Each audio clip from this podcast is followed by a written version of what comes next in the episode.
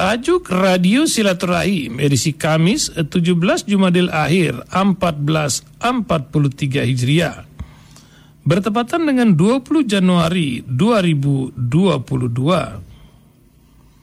diberi judul Bela Tahanan Palestina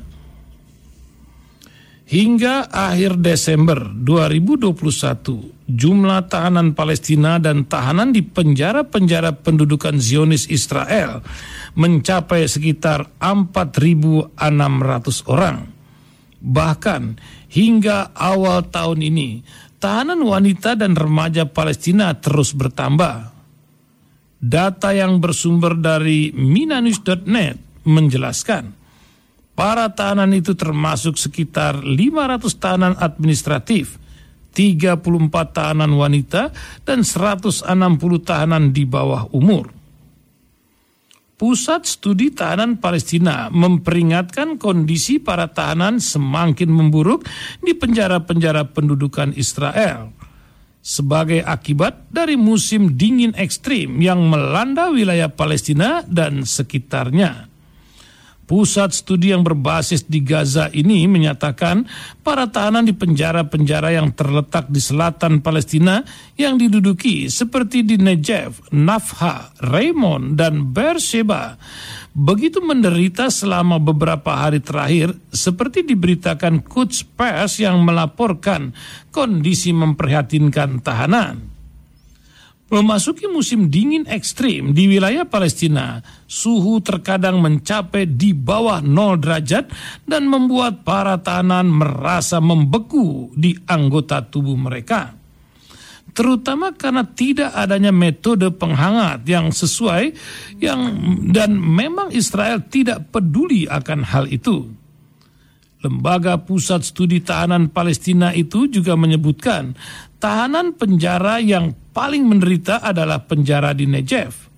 Tempat para tahanan dipaksa untuk mengurung diri di kamar penjara dan mereka tidak dapat pergi keluar. Aksi tidak manusiawi Israel ini kian memperpanjang daftar kekerasan dan pelanggaran kemanusiaan yang dilakukan oleh tentara Israel, khususnya terhadap wanita remaja, bahkan anak-anak Palestina yang mereka tangkap dengan semena-mena. Dunia harus melihat dengan hati dan kacamata kemanusiaan bahwa di tengah konflik Israel-Palestina, wanita dan anak-anak Palestina secara sistematis telah dijadikan target kekerasan oleh militer Israel belum lagi korban jiwa yang berjatuhan karena ditembak langsung di di setiap kejadian bentrokan. Menurut Defense for Children International Palestina, tentara Israel terus-menerus melakukan extrajudicial killing terhadap anak-anak Palestina. Bahkan ketika mereka sebenarnya tidak sedang menimbulkan ancaman.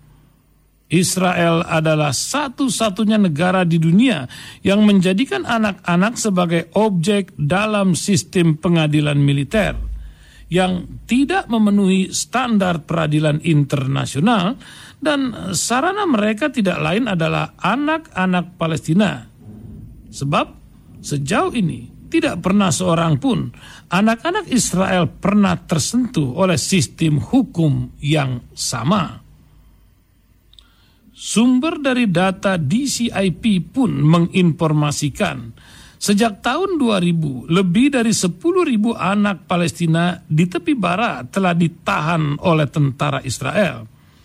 Tiga dari empat anak yang ditangkap mengalami kekerasan fisik selama penangkapan.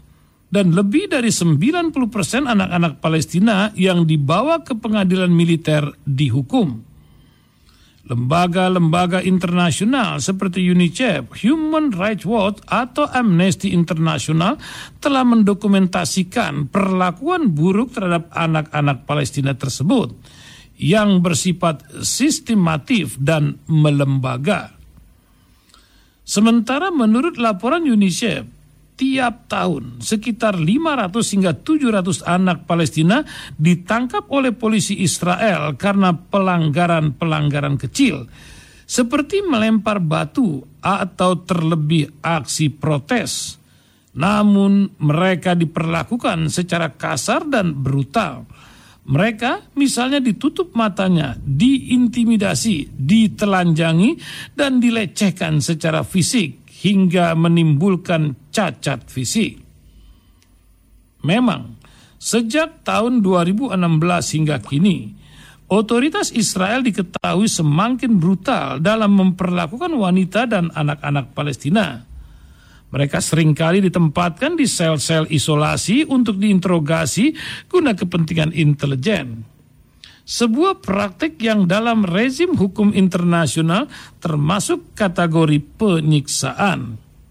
Selain itu, mereka juga tidak segan menahan anak berusia di bawah 12 tahun yang secara hukum sebenarnya tidak bisa dikenai tanggung jawab pidana. Jelas sekali, hal itu adalah sebuah tindakan biadab.